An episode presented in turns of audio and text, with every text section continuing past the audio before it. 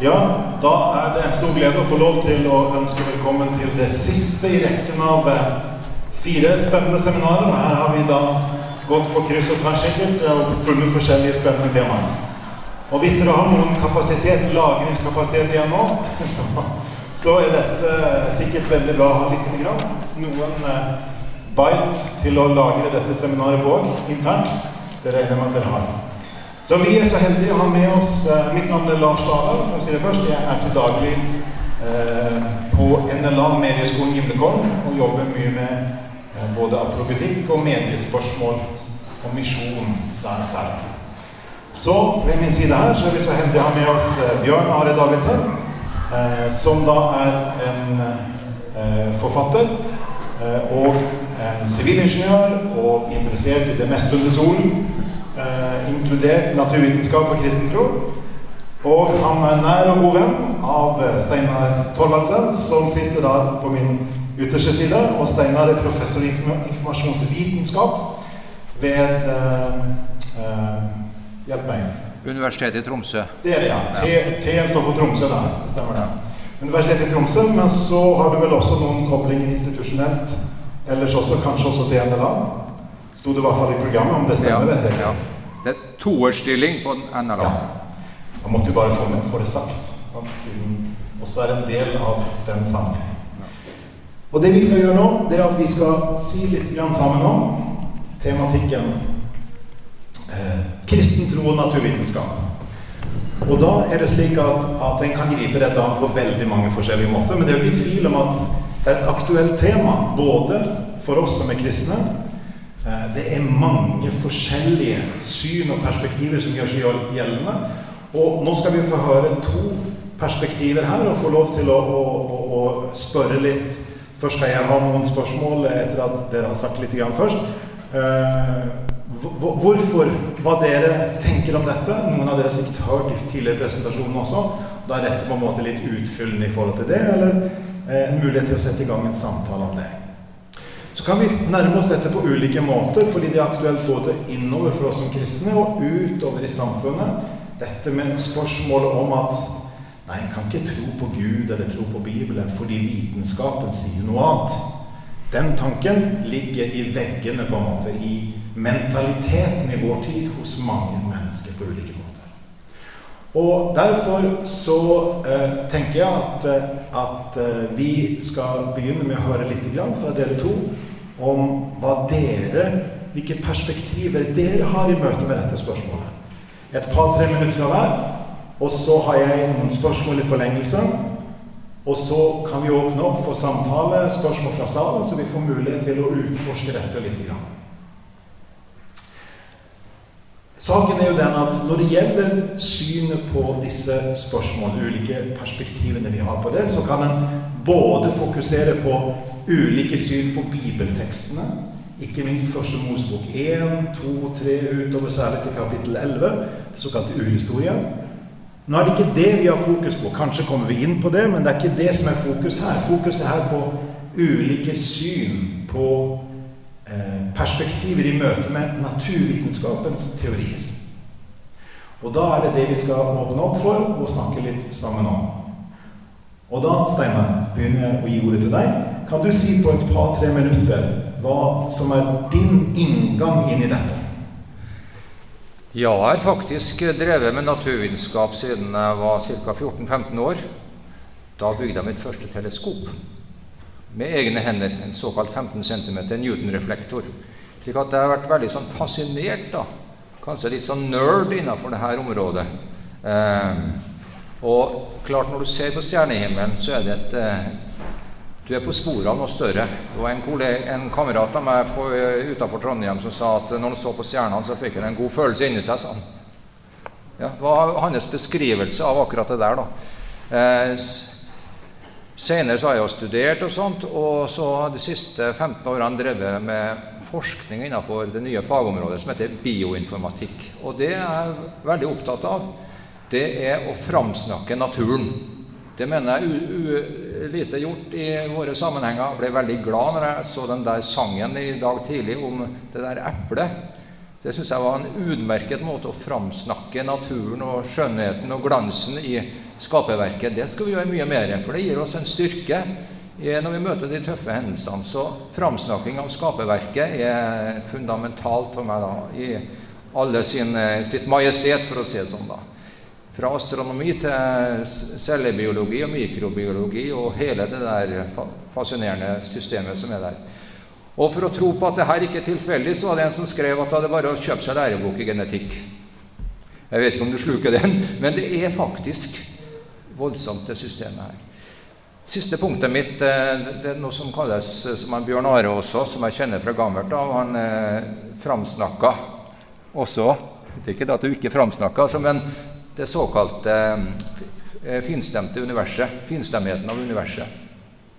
Altså at det er rett og slett naturkonstantene har de verdiene de må ha for å bygge en, eh, en interessant fysikk og en interessant eh, kjemi og en interessant biologi til, i siste omgang. Da.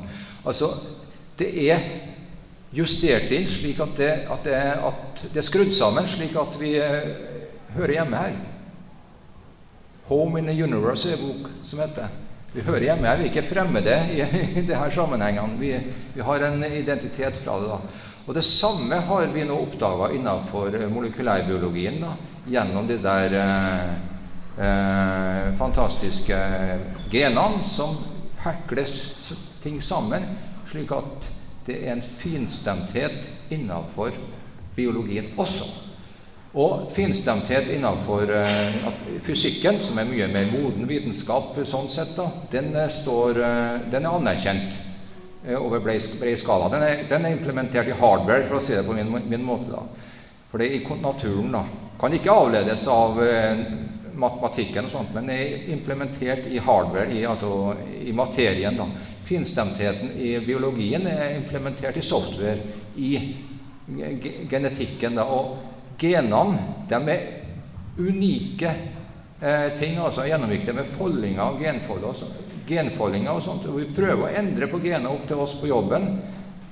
Sette inn en annen aminosyre eh, f.eks. en eh, alanin, som er en default aminosyre. Og vanligvis så klikker da hele systemet. Da blir i hvert fall dårligere. Så det er altså unike saker, det her. Det er, det er ingen problem å få patent på det. Et gen som f.eks. Eh, løser opp eh, forskjellig smuss og fordøyelsesgen og sånn. Det er fantastiske, sjeldne hendelser. da. Og dem, Hvis du visualiserer dem i det universet vi eh, kan tenke oss i tre dimensjoner, da, så er det altså De er isolert og unike som stjernene i universet. Det er, ikke, det er ikke kobling mellom de ulike gentypene. Det er en del cluster og sånn. Det er modifikasjoner av gener og sånt, men det er ingen bro fra ett gen til et annet gen. altså. De er implementert i software som unike størrelser. Og det har fascinert meg noe enormt. altså. Så jeg holdt på med gener noen tusen timer og forteller gjerne om det i forskjellige sammenhenger. Takk. Det er flott å møte noen Steinar her som deg, som er, er, eh, genuint opptatt av og fascinert av og eh, brenner for det en holder på med til hverdagen. Du snakker fint om å fremsnakke skaperverket, ja. eller naturen som Guds skaperverk. Eh, et spørsmål, eh, oppfølgingsspørsmål. Eh, vi skal litt, litt seinere snakke om det som kalles ID, eller Intelligent Design. Kan du prøve å si helt kort hva mener vi med det? Ja, designbegrepet det skjønner vi intuitivt. Vi har store problemer med å definere det eh, operativt og matematisk og sånt.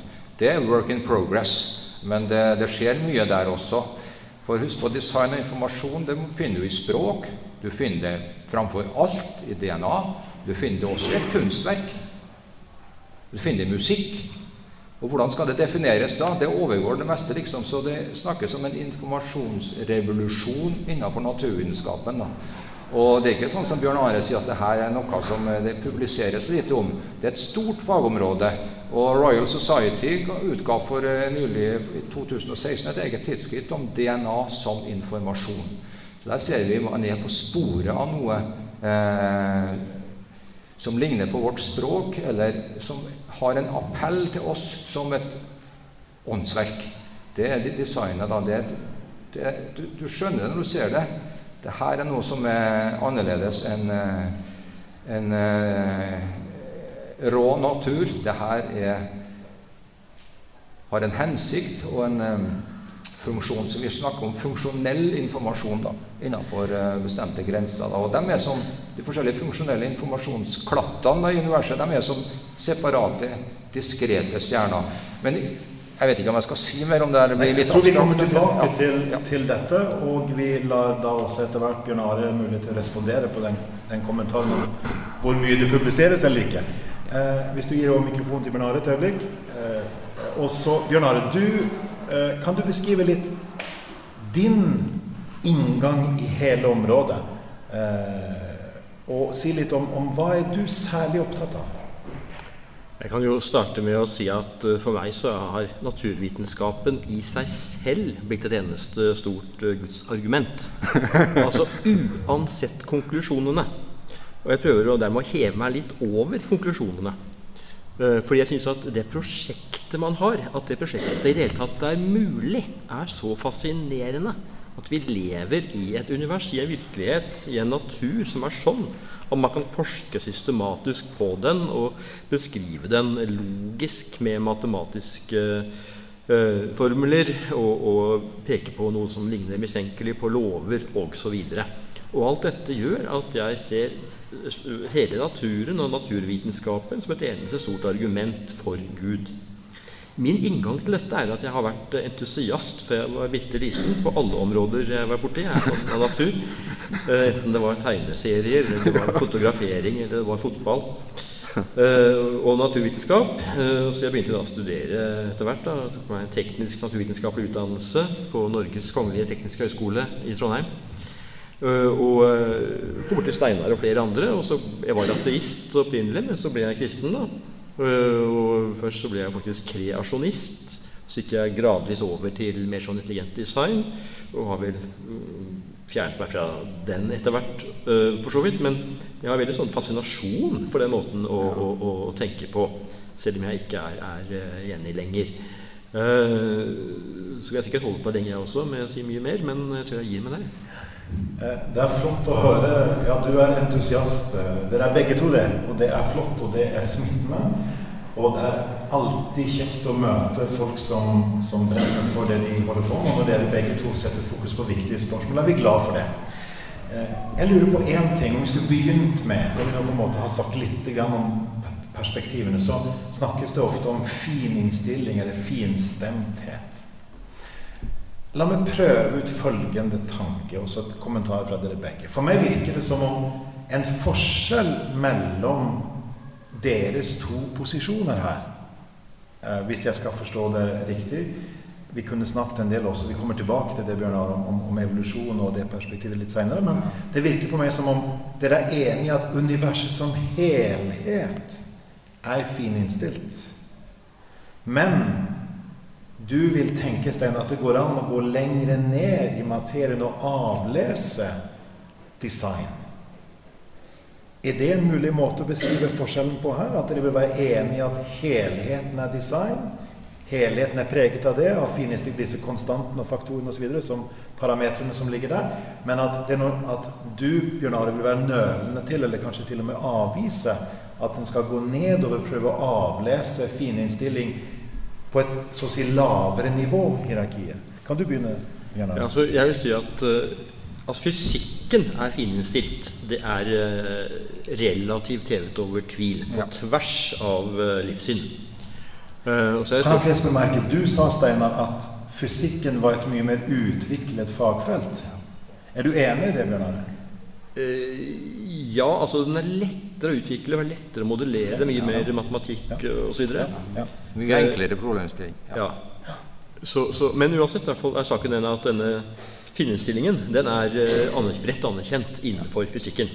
Og så er spørsmålet hvordan skal man forstå det? altså Hva er årsaken til at fysikken er slik? Uh, og, det kan være et uh, spennende tema. Uh, men når det så kommer til spørsmålet om biologien altså det, det, det, jeg reagerer på, er litt mer sånn For å ta ett eksempel da, på det logiske her. At Gud har tatt seg bryet med å fininnstille ikke sant? fysikkens lover, parametere, dannelsen av tunge metaller, eh, stoffer, mener jeg, molekyler i stjernene, eh, karbon ble dannet osv. Eh, slik at alle liksom, byggestenene for liv er på plass over milliarder av år. Og så plutselig kommer vi til jorden, så må Gud gripe inn og gjøre noe ekstra. Hvorfor ikke at uh, biologiens, kjemiens lover også er fininnstilt, slik at selv om den ikke er oppdaget det ennå, men at den er fininnstilt på en sånn måte at dette kan utvikle seg mer ut fra det Gud har skapt i utgangspunktet, framfor at Gud må liksom gripe inn og gjøre noe ekstra det er litt sånn min Og da er vi tilbake til det du har henvist flere ganger, bl.a. i et tidligere seminar. som jeg hadde mulighet til å høre på når jeg selv ikke skulle formidle. Ja. Eh, dette med Augustins tanke om frø osv. At det ja. ligger potensialet der fra begynnelsen av. Ja. ja. Så jeg, jeg, tror det er én mulig måte å se forskjeller på. Steinar, hva, hva, tenker du eh, om dette? Ja, Det er flere nivåer av denne fine-tuninga. Det ene er da naturkonstantene, som Hans nevnte. Eh, dem har vi prøvd å utlede fra eh, pi og e og matematikkonstanter, men klarte det ikke. Det vil si de står på egne bein. Så er det karbonatomet. Da er det jo på eh, atomnivå, ikke på naturkonstantene. Så er det på et litt høyere nivå. Og Der er det også fine-tuning. Det er en resonans i karbonatomet som er nøyaktig på riktig plass for at det kan skje en reaksjon da, fra helium over til, til karbon og videre oppover til oksygen. Da. Og Fred Boyle som oppdaga det der på 50-60-tallet. Han var ateist, og han ble sjokkert i sin ateisme av sin egen oppdagelse. Det har han skrevet og vitna om i sine bøker. Og han trakk en voldsomt sterk konklusjon om superhøy intelligens ut av det. Eh, har masse Hoyle-sitater som jeg kunne bruke for eh, Hoyle var en, en rent eh, ikke-troende vitenskapsmann i utgangspunktet. Han ble aldri en kristen. Det fins egne kapitler i bøkene hans om hvorfor jeg ikke er kristen, står det. For det var så mange som trodde at han var i den leiren, men eh, for å bli hørt på, så måtte han fortelle verden at han eh, ikke var det. Men allikevel, fine-tuning, det sto som spikra fast, som Bjørn Are også bevitner her. da. Så komme, Du har det både på konstant nivå og på atomnivå. Så går vi opp til biologien, der vi har forska ganske mye. da, Og vi finner da altså at uh, biologien, selv om den er komplisert for Husk på aminosyrer, er såkalt kategoriske data. Det er 20 forskjellige. Og det er komplisert, for de går ikke i en skala liksom fra svak til sterk, eller fra tung til eh, lett. Men, uh, men det er altså kategoriske data. Det er vanskelig rent statistisk sett. da. Men så putter vi da inn egenskaper, fysiokjemiske egenskaper i det der berømte aminosyrene som er byggeklossene. Og da kan du få forskjellige måter å representere det på ved hjelp av det, det, det der eh, hydrofobisitet, f.eks. Det er masse til hver enkelt. Da får du en skala da, som er begripelig i vår verden. Da. Og da får du kategorisert dem, og du kan plotte dem i tre dimensjoner og studere dem, og da er de altså diskret som stjernene i universet. og Derfor de er fine-tuna. Og det er ikke noe ukjent for naturvitenskapen det her at man har initialverdier og startverdier. For det er vanlig vanskelige problemer at man må ha noe å starte med. Det er ikke nok å starte med ligning. Vi starter også med startverdier. Og de der eh, konstantene, inklusive foldinger i eh, forskjellige gener, eh, de er startverdier. Alle alle, alle elementærpartiklene, eller alle kjemien altså, har sine kjemiske bestanddeler. Det var en på en konferanse bare så jeg avsluttet det her, noen som sa 'Hvor kommer genene fra?' Han var så imponert over genene. Det, det er variasjoner innenfor hver gencluster, da. men tross alt det er såpass unikt. Hvor kommer de fra? Jo, sa han, de kommer fra Eden eller fra Jerusalem eller noe sånt. det var et utbrudd. Takk. Bjørn Are, nå har jeg lyst til at du skal reflektere i møte ved det vi akkurat hørte fra Steinar nå, for å hjelpe oss til å forstå her ulike perspektiver og tilnærminger. I hvilken grad er du enig i det som Steinar beskriver her? Jo, jeg kan være enig med dette med Eden og Jerusalem, da. Der er du med. da er vi på hjemmebane. Nei, men eh, altså, det som jeg, Hvis jeg det er ikke alltid jeg klarer helt å skjønne nøyaktig hva du sier. Men, men, eh, det jeg forstår at du sier, er at kjemien og biologien er finstemt eller fininnstilt. Litt på samme måte som fysikken, eh, men vi må på en måte oppdage det mer og mer eh, etter hvert. Men, og det er helt ok for meg. Men spørsmålet her er om Gud har gjort noe underveis har lagt inn noe informasjon liksom plutselig i rett, altså i prekambrium. Har lagt inn noe informasjon i ulike greier, og dermed frambrakt noen arter. Det er litt der jeg tenker at forskjellen går mellom mitt syn på et fininnstilt univers og et høyst sannsynligvis, så vidt jeg kan forstå, fininnstilt kjemi og biologi også på disse høyere nivåene. Og uh, dette med at Gud har vært nødt til å gripe inn underveis på det ene eller andre området. Når det så gjelder dette med Hoyle, er det han som har sagt om at it looks like a superintelligence Ja, superintelligence. mocked with the Intelligens, ja, super, ja, intelligence and mocked the laws of nature. Ja. Har tullet med naturlovene. Ja. Det som er interessant her når vi prøver å, å, å, å vandre vi, vi, Dere sier, hvis jeg nå forstår dere rett her, eh, så sier dere at i fysikk, i kjemi i hvert fall, så er det lettere å avlese dette her. Eh, I biologi så er det mer uavklart, mer eh, diversifisert, kanskje mer forskjellig, og da vil dere fortolke dette på ulike måter i forhold til Jeg forstår deg, Bjørnar, at du er usikker på, eller nølende til, eller en eller annen plass langs skalaen der, til å si at Gud har intervenert på en spesiell måte i naturen og lagt inn noe. Men Gud av andre sida vil du si også intervenert i historien. Det er et annet, et annet At vi skjelner fra hverandre her. Eh, Så er det interessant at, at vi har jo hele dette området som, som har med kosmologi å gjøre, som er noe annet igjen. Eh, Jeg vet ikke hvor mange av dere som, som ser på den serien Big Bang Theory, ikke sant? som er veldig interessant hvis dere ser akkurat kjenningen på den. Eh, hvis dere husker begynnelsen, de, de, den, de tre, ja, 25 sekunder sånn som alltid går ikke sant, til å begynne med, som jo egentlig begynner med The Big Bang, og så er det en evolusjonshistorie, og så lander det i såpeseriens karakterer. Og kobler på en måte kosmologi og biologi på en veldig interessant måte. Og, og det viser litt om hvordan, hvordan folk ut, der ute tenker om disse tingene her. Men Bjørn Are, hva vil du si hvis du skulle prøve å, å, å beskrive forskjellen mellom der du er kommet nå, for du sa du har hatt en vandring i dette. Eh, Du og, og, og Atle Søvik, på, på, professor på MF, ga ut en bok sammen om evolusjon, og du presenterte litt av det materialet her også. Eh, Hva er forskjellen på det og perspektivet som, som Steinar beskriver her, og, og har utvikla dette knytta til, til særlig det vi kaller intelligent design? Så jeg, jeg er fortsatt usikker på hva Steinar mener om det. Så han har ikke sagt noe konkret eh, om noe som jeg syns ligner på intelligent design. Eh, men eh, det som er, er saken, er at den posisjonen som jeg hadde startet jo med kreasjonisme Verden skapt på seks dager for eh, 6000 år siden. Da var jeg 19 år og var veldig overbevist, for han tok så til de grader på kornet alle disse her påstand, rare påstandene fra mainstream vitenskap, eh, og jeg fant ikke noe svar på det. Eh, Syndfloden forklarte jo det meste, og jeg var ikke geolog. ikke sant? Så tok han jo på ordet at det han trodde jo på denne fyren som jeg hadde lest denne boken til, som var veldig overbevisende. Eh, at jeg så ikke noen gode motforestillinger. Og jeg lette også faktisk i, i, i bøker jeg fant. Dette var jo lenge før Internett. Jeg lette bokhandler, hadde ingenting. På bibliotekene hadde ingenting. Så først et år eller to at jeg begynte å finne stoff som argumenterte mot dette på forsvarlig måte, og viste at mye av kreasjonistpåstandene var helt høl i huet og, og direkte løgn.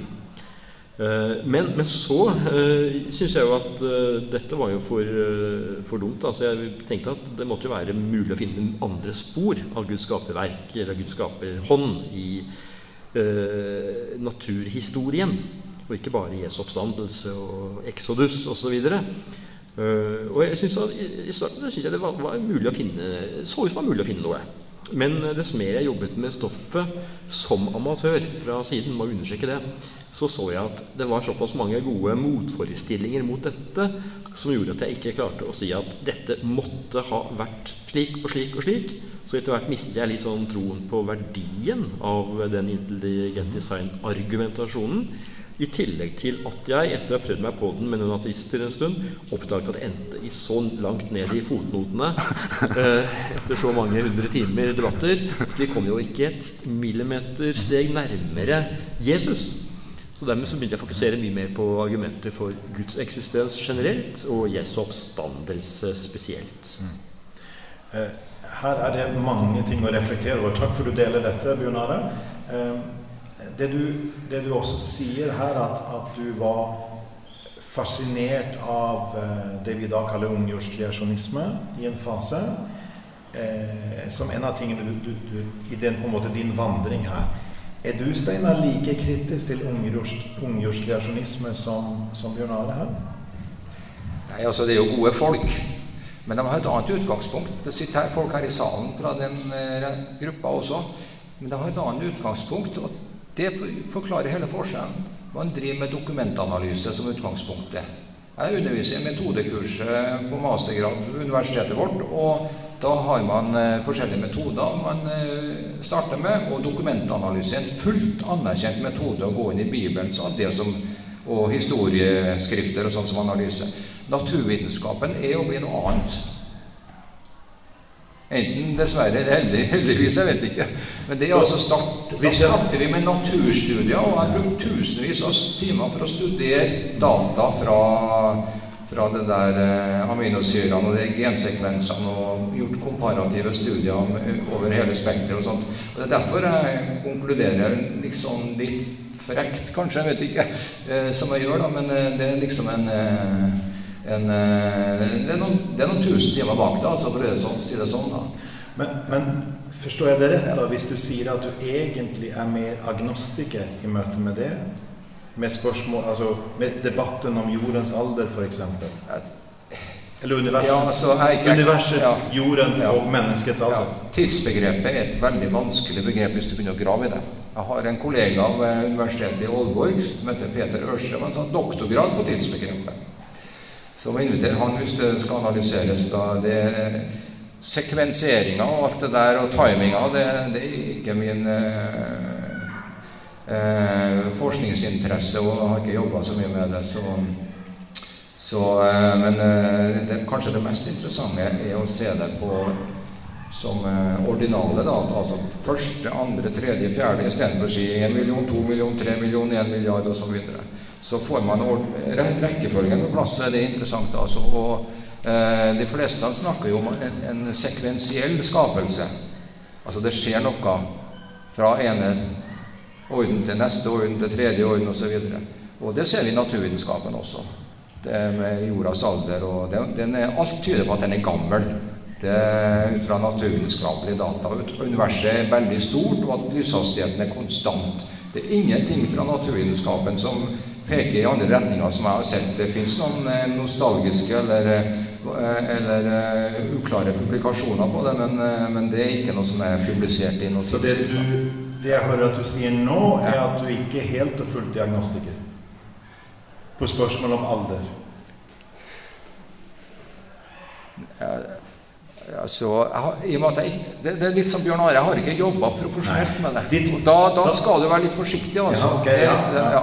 Eh, hva skal jeg da si? Men Helle eh, alt, alt er men, men det er interessant å høre at du synes å få inntrykk av fra parallelle disipliner at jorda er univers, jorda og menneske er veldig gammel. Ja, det er det er nesten ingen som konkurrerer konkluderer annerledes eh, der. Altså, Peder Ørse, min gode kollega som har tatt sin doktorgrad, han på den posisjonen. Så det går litt på hvem du er, du som er også. Det gjør jo det her i livet. Men, men eh, Bjørn Are ga det egentlig en utfordring. Han sa at så langt som hadde han ikke egentlig ikke hørt noe fra deg om intelligent design. Jeg vet, det var liksom litt lure kommentar. Sikkert kjenner jeg Bjørn Arild, så var det litt lure kommentar. da. Men, men, du sa tilbake også tidligere at det fantes ikke Altså Du påstod at det fantes Bjørn Are, du sa at det, det, var ikke så mange, eller nesten ingen publikasjoner. Det mente eh. Steinar at det var. Bjørn Are, hva sier du til det? Ja, jeg har snakket litt forbi hverandre, for det du snakker om nå, er jo generelt innenfor det du kaller for uh, bioinformatikk. Ja, Informasjonsvitenskap. Det jeg snakket om, var intelligent design spesifikt. Hvor man kan telle opp det er 72 eller noe sånt uh, peer review-artikler fra de siste 10-20 årene. Jeg har ikke det i hodet akkurat her nå. Og de fleste av dem er laget eller gitt ut i tidsskrifter som er veldig pro intelligent design. Altså man finner veldig lite av det i, i normale, allment aksepterte tidsskrifter. Men selv om det nå bare er 72 stykker, alle 72 stykkene skulle være genuine, holdt jeg på å si, altså ikke noe problemer med peer review-prosessen, eller noe som helst, så er jo det, blekner jo det i forhold til antallet som uh, finnes i, innenfor andre fagfelt, og også innenfor det du kaller for bioinformatikk. Men, men Bjørnar, bare for å, å, tenke den tanken ut da, det er jo, Nå har antall aldri vært en indikasjon på nødvendigvis vitenskapelig troverdighet. Selv om man kan si at hovedbildet er sånn og sånn, så er det jo alltid sånn at, at det oppstår ny kun, eller det fremkommer ny kunnskap, eller det oppkommer nye teorier, ofte i konflikt eller kontrast til eksisterende. Eh, det, det, er også interessant, tenker jeg, at, at her er det jo spørsmål Er det så mye Har folk investert så mye av seg selv i en slags scientism at det er vanskelig i hele tatt åpne opp, altså i en slags vitenskapstro, at det er vanskelig å åpne opp for muligheten for dette med intelligent design. Hva tenker du om det? Jeg har ingen problemer med å se at folk kan låse seg og, og, bli eh, ja, lene seg for langt tilbake, gå i eh, ja, piggene ut og alt man kan bruke av metaforer her, og dermed sperre unna intelligent design-artikler fra allment anerkjente blader. Men la meg bare få si i hvilken sammenheng jeg sa dette. For det var ikke for å avvise intelligent design som sådan. Men det var for å si, eh, komme med et svar på spørsmålet om hva skal til for at alternativer til evolusjon blir akseptert, som var det spørsmålet jeg ble stilt da jeg skulle holde eller eh, forberede seminaret. Og da var det jeg sa at uh, da måtte man Det er et synkende skip, eller et skip som flyter godt? Eh, ja, altså, ja. skal nå intelligent design da, få et gjennomslag, uh, gjennombrudd eller noe sånt, så kreves det veldig mye mer jobbing. Det kreves ja. veldig mye mer uh, artikler. Det kreves skikkelig, skikkelig stå på og, og, mange flere mennesker som involverer seg og forsker seriøst på dette. Da kan det begynne å skje noe, om det ikke dukker opp en Eh, en eller annen geni, en, en Newton eller en Einstein eller noe sånt som overbeviser alle med sin utrolige intelligens og, og, og matematiske evne. Eh, Steinar, har du observert noen Newton eller Ja, altså det, det, er plass til mange Newton her. Vi har en del skikkelig bra ID-forskere i, i, Skandinavia og i Norge og i, i um, Europa også. Eh, fra Sverige kan jeg nevne Ola Hørsel som, du, som noen kjenner her. Han er en statistiker som er toppkompetanse i populasjonsgenetikk, som ble nevnt også på Stockholm universitet. Og han publiserer i et tidsskrift som heter Biocomplexity, som er et referitidsskrift. Og han kommer med bok og nå til i november. En meget, meget eh, flink, publiseringsaktiv uh, forsker der. Så har vi Matti Laisola i, i Finland Eh, bioinformatiker og var redaktør for Biocomplexity. Og så publisert masse. Og så, ikke minst, den der modellen vi holder på med nå grunn, Altså, det her er work in progress. Det her det er spennende, skjønner du. Det er en, bio, en grunntypemodell, altså basic types of life. Hvor mye kan diverse sånne forskjellige livsformer endre seg Eh, vi har en modell der du liksom En busk av trær, så det er endringer innenfor arten, eller grunntypen. Basic types of life, som vi kaller det. Og det er en Sigfred Scherer, professor i, i München, tror jeg, som er liksom eh, den store biologen der. da. Så det, det der, der, kommer det mye vil jeg tro, rundt hjørnet. Og jeg er helt enig med deg, Bjørn Are. Her må det publiseres selv om det er en tøff verden å publisere i det, det er ikke noe karrierefremmende å, å, å sette intelligent design på forskningsagendaen. Du, får, du blir fort ribba for penger og sånt. Så, så, det er mye taktikkeri og går, og mange ligger under, under, under radaren også, for det er beste måten å, å, jobbe på. Vi har unge folk i Norge også som uh, jobber i det her gamet og har tatt sine doktorgrader nettopp, så som sagt, det er work in progress, og vi kan møtes om noen år igjen og se, hvis tiden strekker til, da, og se om, om det, hvordan status er. Når det gjelder bøker, så kan du se at det publiseres enormt mye intelligent design-bøker. Siste store er jo Douglas X nå om 'Undeniable'. Den anbefales. Så han har også utgitt en bok nå om Evolutionary Informatics som er referibok da, fra en bok, en, sånt, et av forlagene. da. Så det er ikke Men- men taus, det ikke. Men det, Steiner, her, her brukte du en boktittel. 'Evolutionary Informatics'. Ja. Jeg vet ikke om, om tankene går i kryss hos flere enn meg. Eh, Ja. Evolusjonær informatikk. Ja, det kan jeg Eh, forklare dere øyeblikkelig her. Ja.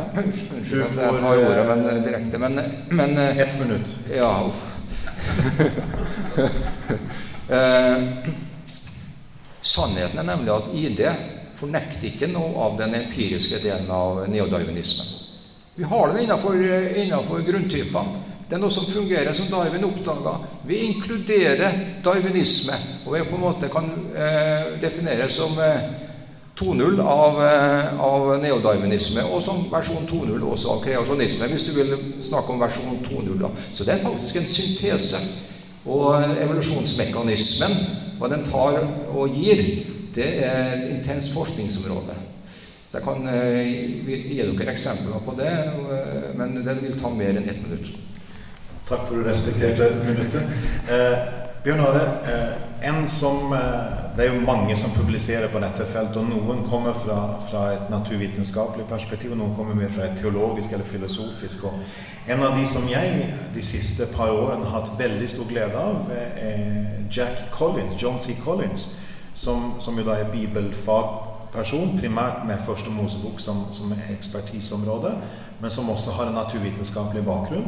Eh, Han sier i en av bøkene sine at eh, vi må skjelne mellom datamateriale og på en måte når vi så etter hvert beveger oss fra datamaterialet inn i hypotesebyggingen, teoribyggingen, og så er det helt ok å være grunnleggende kritisk til hypotesedelen av på en måte det naturvitenskapelige området, men vi må alltid respektere faktagrunnlaget. Og det som kan være krevende her, i all den diskusjonen som går, er å på en måte vite, når vi snakker om evolusjon, for å ta det, hvor er det faktagrunnlaget stanser? Og hvor er det det overgår til å bli hypotesebygging? Det vil sikkert være like mange svar som det er alternative perspektiver på det, men, men, men det aner meg at her ligger det noe viktig. Kan jeg få to minutter? Ett og et halvt. Det er jo et stort spørsmål som det er umulig å svare på, fordi det varierer jo så utrolig på hvilke fagfelt man eh, snakker om.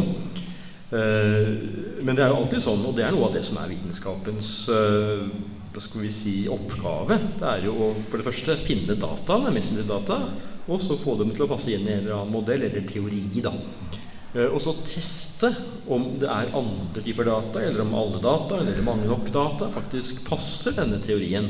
Og se om det er måter å falsifisere dette på, for å se om man kan avsløre svakheter i teorien, eller avsløre teorien som sådan. Og det er vitenskapens oppgave. Og det er som du sier et pågående prosjekt. Work in progress.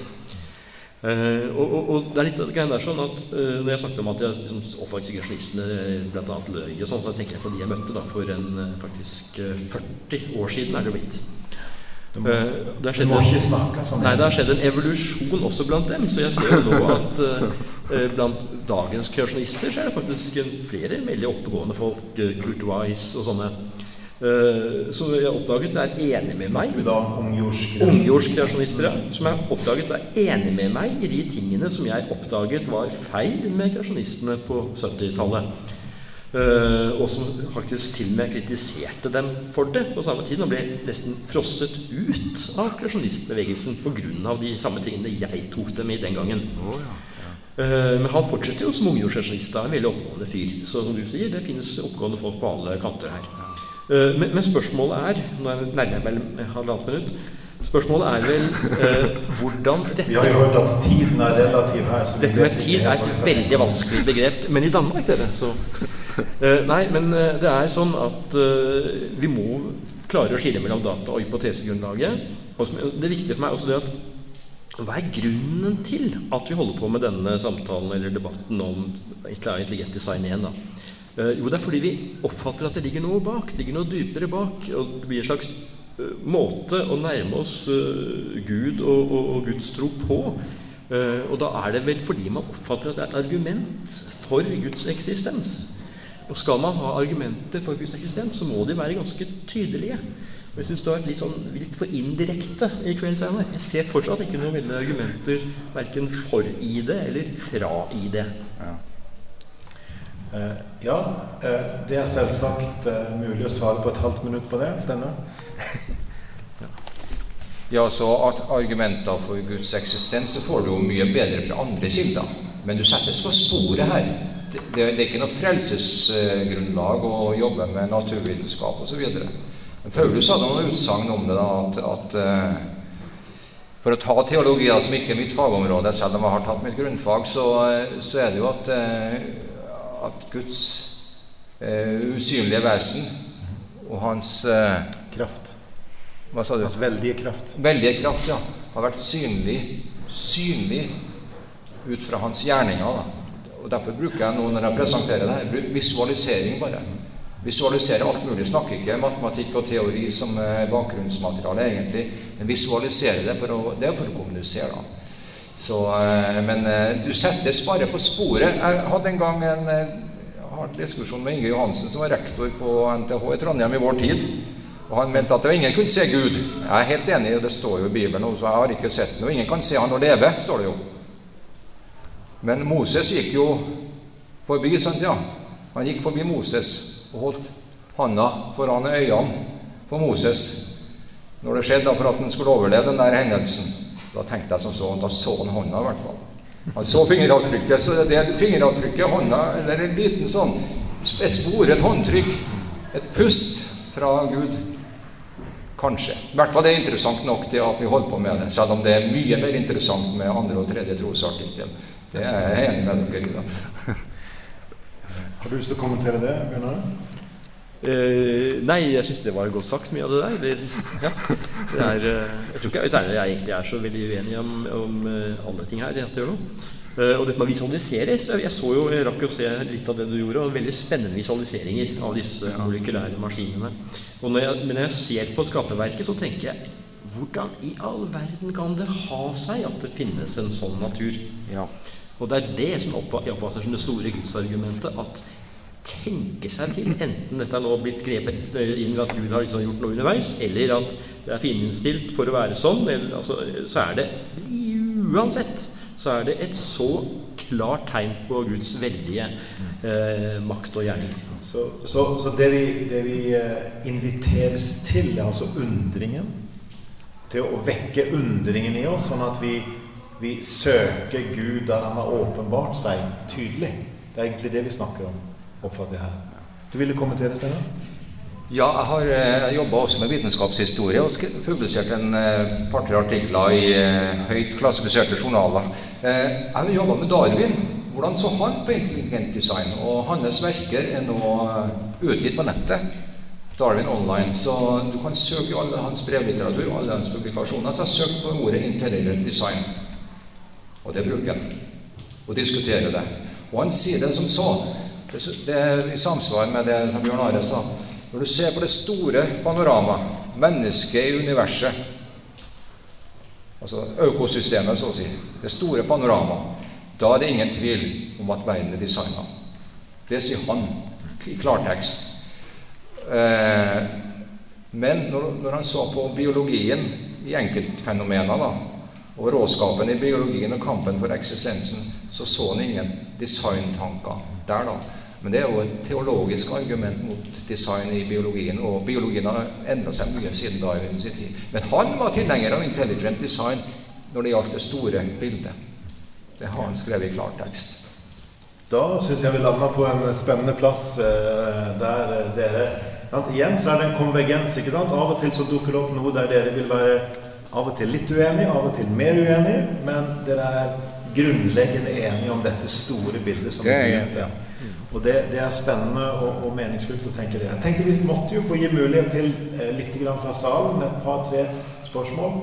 Og da vil vi presisere at det er i hvert fall ikke lenger enn eh, et halvt minutt spørsmål. Vi er ikke ute etter innlegg fra salen, men etter spørsmål, for nå er det disse to som er våre gjester her, til å, til å, å reflektere sammen med oss. Så hvis dere har noen spørsmål primært om det naturvitenskapelige materialet, for vi har ikke fokusert på bibelmaterialet her, vi har fokusert på det naturvitenskapelige, da tenker jeg at da er det spennende å, å kunne tenke på Er det noen refleksjoner dere gjør? Ja. Jeg tror jeg skal gjenta spørsmålet med tanke på, på etter at det er sagt. Med tanke på recording. Vær så god. Eh, Jeg har ikke helt skjønt altså det er intelligent design Ja. ganger. Du sier, du Bjørn, sier jo at du ikke tror på Guds inngripen. Du, du har gått mot det at det er et frø, og så er det noe som skjer uten at Gud trenger å gjøre noe underveis. Eh, men hvordan er det et forskjell på inte- altså hvordan krasjer det med intelligent design-tankegangen? Ja, det krasjer jo helt.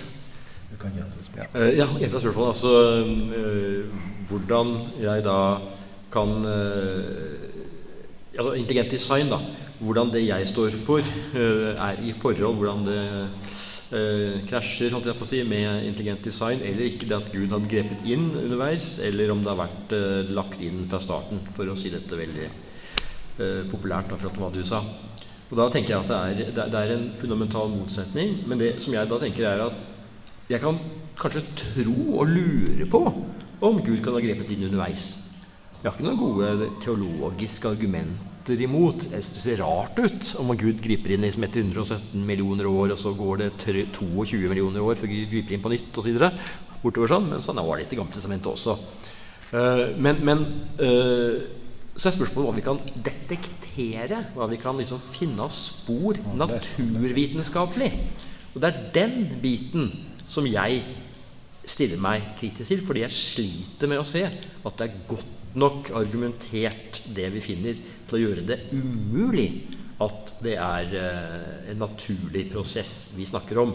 Og uansett om det så er en naturlig prosess eller ikke, mener jeg at det er veldig tydelig at det er en helt utrolig natur dette foregår i.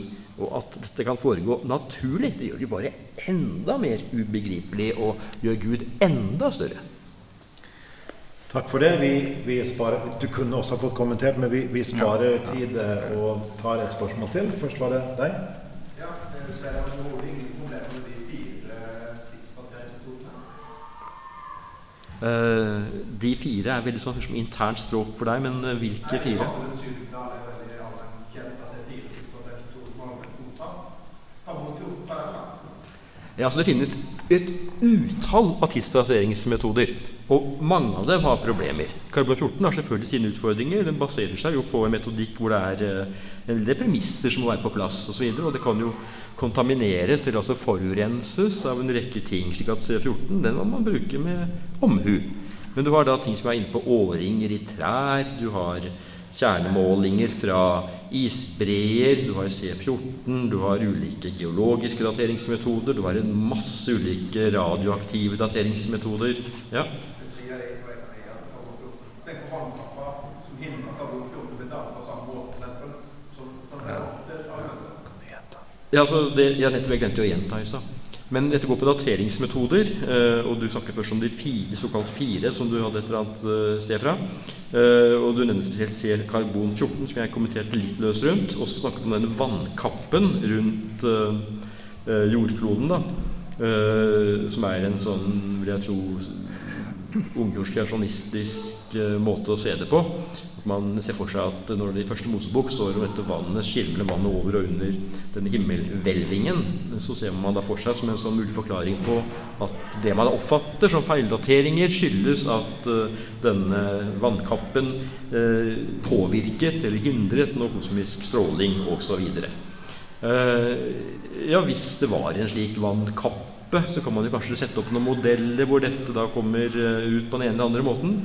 Men det har jo ingenting å gjøre med mange, mange andre radioaktive dateringsmetoder.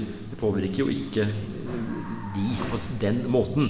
Det er nettopp summen av disse her sånn, som er til dels helt uavhengige av hverandre, som gjør at man ender opp med at jorden er eh, litt over 3 milliarder år gammel, og universet 13,2 75. Men altså, jeg vet ikke hvor mye vi skal uh... Nei, men det, jeg syns det, det gir en, en første respons og frem og tilbake på dette. Så hadde det vært mye tid, så skulle vi gått videre. Vi går videre til uh, første benk først. Skal vi gjenta Altså, Det som er øh, ja, spørsmålet spørsmål eller påstand, er at jeg bruker feil vitenskap. At man bør bruke mer sånn historisk tilnærming. og ikke på forhånd bestemmer fra naturvitenskapen hva som er mulig og umulig, men må oppdage gjennom spor i historien da, av hva som faktisk har foregått. Eh, og det er jeg jo enig med deg i. Altså, jeg tenker jo som så at eh, ser man på eh, Det er derfor man kaller det for evolusjonshistorien, eller universets historie. Det er ikke det sånn som historiefaget for øvrig, men du må jo se på de sant, sporene som finnes da, etter universets alder, hvor det er masse ulike målemetoder. Eh, ting som universets størrelse, ikke sant? Eh, ekspansjonsrater og alt sånt. Men du sier du var gammeljordskreasjonist, så det er vel ikke dette med dateringen av jorden som er eller av universet som er utfordringen, men mer hvordan f.eks. liv oppsto. eh, hvordan ulike typer veldig kompliserte celler, eller celler i det hele tatt, oppsto. Veldig mye finurligheter der. Og det er klart at sånne ting må jo også vurderes historisk. Altså hva har faktisk skjedd? Det er det man gjør. Man finner jo spor ikke sant, gjennom ulike geologiske lag, prekambrium, kambrisk eh, eksplosjon osv. osv. Uh, og så er spørsmålet hvordan dette skal tolkes naturvitenskapelig. Finnes det mekanismer som kan forklare livets opprinnelse? Finnes det mekanismer som kan forklare hvordan eh, og hvorfor vi har akkurat de sporene av artsdannelse som vi ser, eller nye arter, eh, denne kambriske eksplosjonen for mangfoldige 100 millioner år siden, hvor mange arter oppsto tilsynelatende parallelt, eh, uten spor av en eh, urform. Eh, og det er jo sånne ting som man må jobbe med og jobbe med. Det er gjort ganske mange bra analyser, uten at vi rekker å komme inn på så mange av dem her. Men, men mitt poeng er at ja, du har, har rett. Vi må faktisk ha flere tilnærminger til denne type spørsmål. Så jeg er glad når jeg ser eh, at det gjøres. da. Eh, Steinar, eh, kommenter kort. Og så Ja. har vi to spørsmål registrert til. Eh, og så Bare det med flere tilnærminger. For vi på Intelligent Design vi jobber veldig med å få bli hørt på. For vi blir gjerne stemt ut eller satt, satt på gangen. Vi får ikke komme inn i forskjellige sammenhenger også i kristne Norge, da, dessverre. Men altså, det er viktig å an- anerkjenne muligens at eh, nå er det to brukbare oppegående naturvitenskapelige teorier for opprinnelses, opprinnelsesspørsmål. Det var det ikke for eh, 20-30 år siden, som hadde så, såpass god forankring som nå. da, Som har eh, 100 publikasjoner og 1000 bøker bak seg. eller noe sånt. Så vi er på banen, og vi krever ikke noe mer enn å være i, i, i en del av debatten. Det her er nødt til å være en naturvitenskapelig debatt som neppe ender opp, eh, tar slutt i vår tid. da. eh, to spørsmål. Ja. Da er det to eh, viktige spørsmål her som vi også må få tid til å kommentere. Gjerne fra dere begge to kort. Trenger jeg å gjenta dem, eller? eh? Kort, bare. Ja, det, jeg kan jo svare på det siste ved å gjenta, så håper jeg ikke glemmer det første.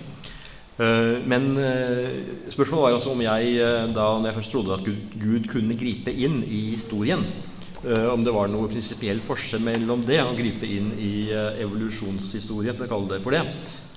Og det ser jeg det er ingen prinsipiell forskjell. Forskjellen ligger i at det ene er tydelig beskrevet i Bibelen. Mens det andre må vi bruke vitenskapelig metode for å detektere. Og da er jo spørsmålet tolkningsmessig, og kan vi gjøre dette på en måte som øh, stiller det godt nok over, over tvil. Eh, Men så nevnte du noe om bibelvers hvor det bare vi å skape fra ingenting. Det er gjort mye forskning på dette, da. Og det er vel ikke slik at gammeltestamentlige forskere som kan hebraisk og øh, kan datidens kulturer, er enig i at dette med bara brukes på samme måte hele veien. Så man bruker det med på én måte med skapelsen i starten, men så bruker man det på litt andre måter eh, senere, ifølge disse gammeltestamentlikerne.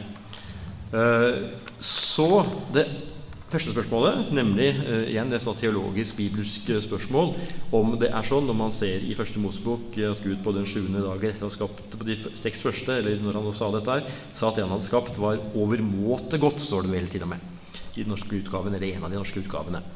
Eh, og om jeg da kan forene dette med eh, en eh, evolusjonshistorie hvor det er sykdom, kamp for tilværelsen og det ene etter det andre. Og da er man jo inne på sånn, hvordan skal man forstå første Mosebok? Hva er det som er overmåte godt? Og som du sier selv, vi vet jo at i dag er det jo ikke overmåte godt på noen som helst måte. Det er på noen si er overmåte vondt. Og da har man jo første Mosebok tre ikke sant? Og, og syndefall. og Kan det forklare alt sammen? I så fall er jo Gud akkurat like ansvarlig for alt det vonde som skjer i våre dager, selv om det er som en reaksjon på noe Adam og Eva gjorde. Uh, og han burde ha visst uh, bare et par dager før at Adam og Eva kom til å bryte uh, dette, og, og at hvordan er det da overmåte godt hvis de han har eh, skapt, kommer til å gjøre det overmåte vondt bare noen få dager senere. Så det er mye man kan diskutere sånn teologisk. Men så er spørsmålet også hva betyr overmåte godt? Hva er det for noe? Hvordan ble det oppfattet av de som skrev og leste dette opprinnelig? Og det er jo ikke helt gitt at det er på samme måte som vi forstår dette på. Er det at Gud eh, skapte et fullkomment paradis, punktum? Eller var det at dette var som Vi har snakket om noe så bra, så fantastisk, for å gå ned på molekyl, på atomnivå, på resonansen i karbon Atomet, ikke sant? Hvordan utrolig fantastisk godt dette er. Fra det perspektivet Det vi snakker om her, er jo mer det ondes problem. Hvordan skal vi forstå det? Hvordan er det å sammenholde med at det Gud skapte, faktisk var i en eller annen forstand overmåte godt? Det blir jo en mye større debatt, som jeg kunne gjerne gått inn på. Har ikke hatt noen temaer om det her før, for så vidt. Eh, og som du skjønner, Jeg snakker lenge om det, for det er ikke noe enkelt svar på det. Og det jeg tror er at det er, det er et godt spørsmål, men vi må rett og slett få tid til å diskutere hva mener vi med begrepene, med sammenhengen, med hvordan resten av Bibelen blir, med Guds ansvar, vårt ansvar, naturen, biologien, begreper osv. Det er jo veldig fint at vi har et halvt minutt igjen, og så begynner vi på det ondes problem. Det passer veldig godt. Eh, eh, det vi egentlig nå har, har gjort her, og, og det er jo det at vi har prøvd å åpne opp for en samtale om dette. Og det har jeg lyst til å, å gi honnør til dere begge to her, gode paneldeltakere, og til dere i salen. For jeg føler vi har maktet å sette mange ting på dagsorden i løpet av samtalen på en måte der vi kan snakke rolig, sansa, være enige eller uenige, men vi vet litt mer om hvorfor vi er enige og uenige. Og det er et god, god, godt sted å komme ut av en sånn samtale på. Jeg tror ikke dette er verken siste gang eller, eller på en måte at vi, vi, det er behov for å sette dette kontinuerlig på dagsorden på en god måte. Så eh, Steinar, du får lov til å si litt, igjen, og så er vi øyeblikk landet nå. Eh, For tida begynner å løpe ut, og mat serveres også i dette rom. Derfor så må vi ta hensyn til det, så vi, vi eh, er i ferd med å lande. Kanskje du kunne si noe, Steinar, sånn kort, og så Bjørnar, hvis du vil legge noe helt til slutt. Og så kan jeg avrunde og si i hvert fall halleluja til slutt. Ja, ja. Ja, ja, jeg kan godt si halleluja, jeg òg, så du vet ikke hvem jeg er, du, sjø. Eh, det tror jeg du vet litt mer men, eh, For vi kjenner hverandre. Men eh, altså, jeg mener vi er fascinasjon for naturen. Det er et calling til unge mennesker sånn som dere. Det trengs for kunstnere, musikere, hele spekteret. Altså I gamle dager, før vår tid, så var det en som het Elvis. Og han sang jo sanger som eh, 'Something Greater Than You and Me'. Altså om stjernene og det skaperverket. Så han sang det inn i sekulærkulturen, og alle satt og storma konsertene hans. Det er en calling til oss om å, om å fremelske skaperverkets storhet. Da. Og i, i Origo Norge så jobber vi jo mye sammen med unge mennesker også. Og vi, vi har, eh, sender folk til USA på summer seminars, som er veldig topptunge forelesninger og skolering. Da. Og hvis noen er interessert i å reise dit, så ta kontakt med oss gjennom våre hjemmesider. Vi har også eh, et tidsskrift som heter Origo. Du finner oss på Origo Norge.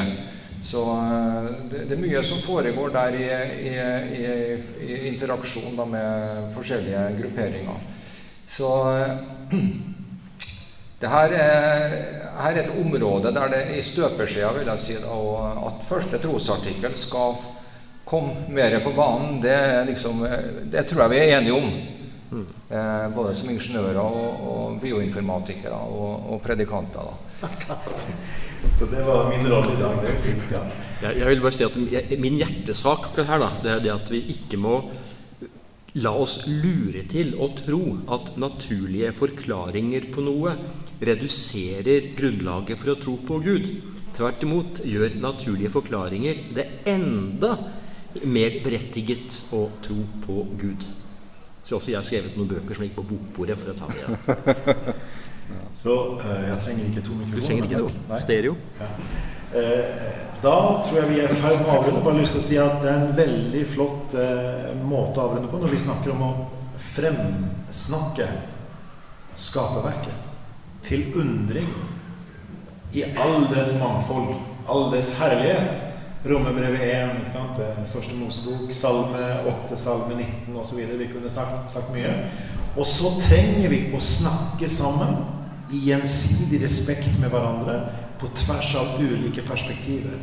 Så trenger vi gjerne å gå videre enn det vi har gjort her, til å utfordre hverandre på hva er styrken og svakheten i de ulike tilnærmingene og å bestemme oss for hva er aller viktigst.